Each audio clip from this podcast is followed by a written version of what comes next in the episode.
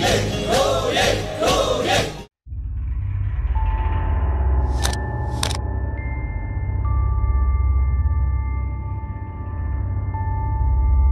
ျွန်တော်တို့ပြည်သူတွေအနေနဲ့စစ်တပ်နဲ့ပတ်သက်တဲ့ထုတ်ကုန်တွေစစ်တပ်ထုတ်တဲ့ထုတ်ကုန်တွေကျွန်တော်တို့မသုံးသင့်ပါဘူးမဝယ်ယူသင့်ပါဘူး။အဲဆိုကျွန်တော်တို့ဒီတော်လန်ရေးမှာအဲ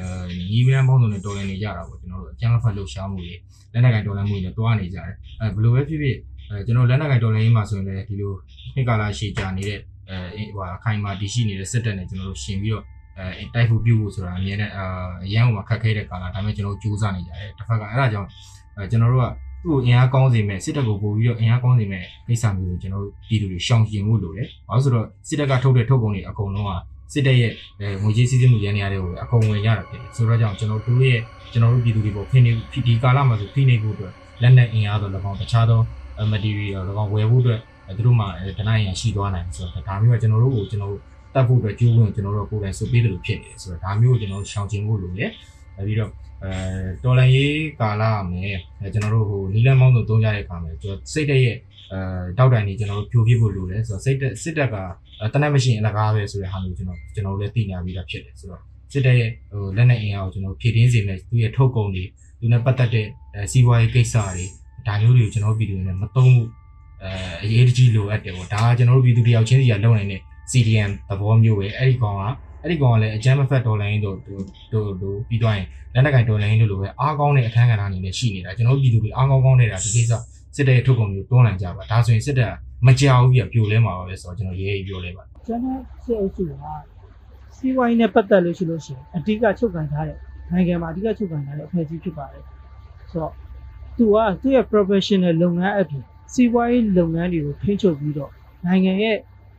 စီးပွားရေးလုပ်ငန်းတွေကိုရခင်အာဏာသိမ်းကာလများတဲ့ကလှုပ်ဆောင်ခဲ့တယ်ယနေ့ချိန်ထိပါပဲအခုလိုကာလမျိုးမှာဒီလိုအကြမ်းဖက်စစ်တပ်ကသူ့ရဲ့သူ့ရဲ့ဒီလုပ်ပုံတွေနဲ့ဒီ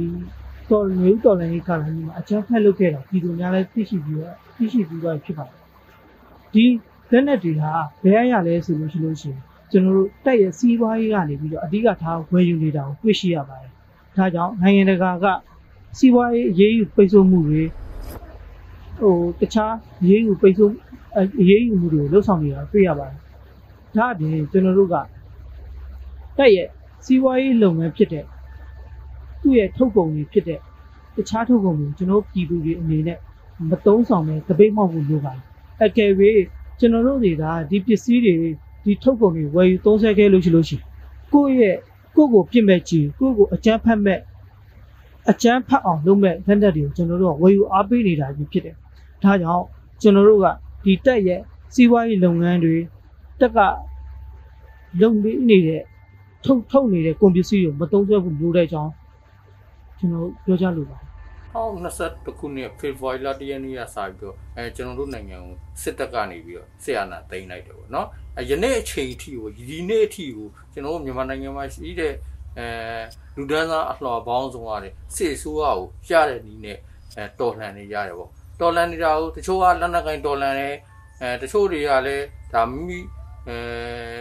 နားလေတဲ့တက်ကျွမ်းတဲ့အတတ်ပညာတွေနဲ့တော်လှန်နေကြတယ်ပေါ့ဒါပွင့်လင်းပြောရရင်တော့စစ်ဆိုးရအုပ်ချုပ်တော်ကိုကျွန်တော်တို့နိုင်ငံသားတွေ နိုင်ငံနိုင်ငံလူနိုင်ငံတွေလုံးဝလက်မခံဘူးဆိုတော့ဆန္ဒပြတဲ့ပုံစံနဲ့ပြတယ်ပေါ့ဒါ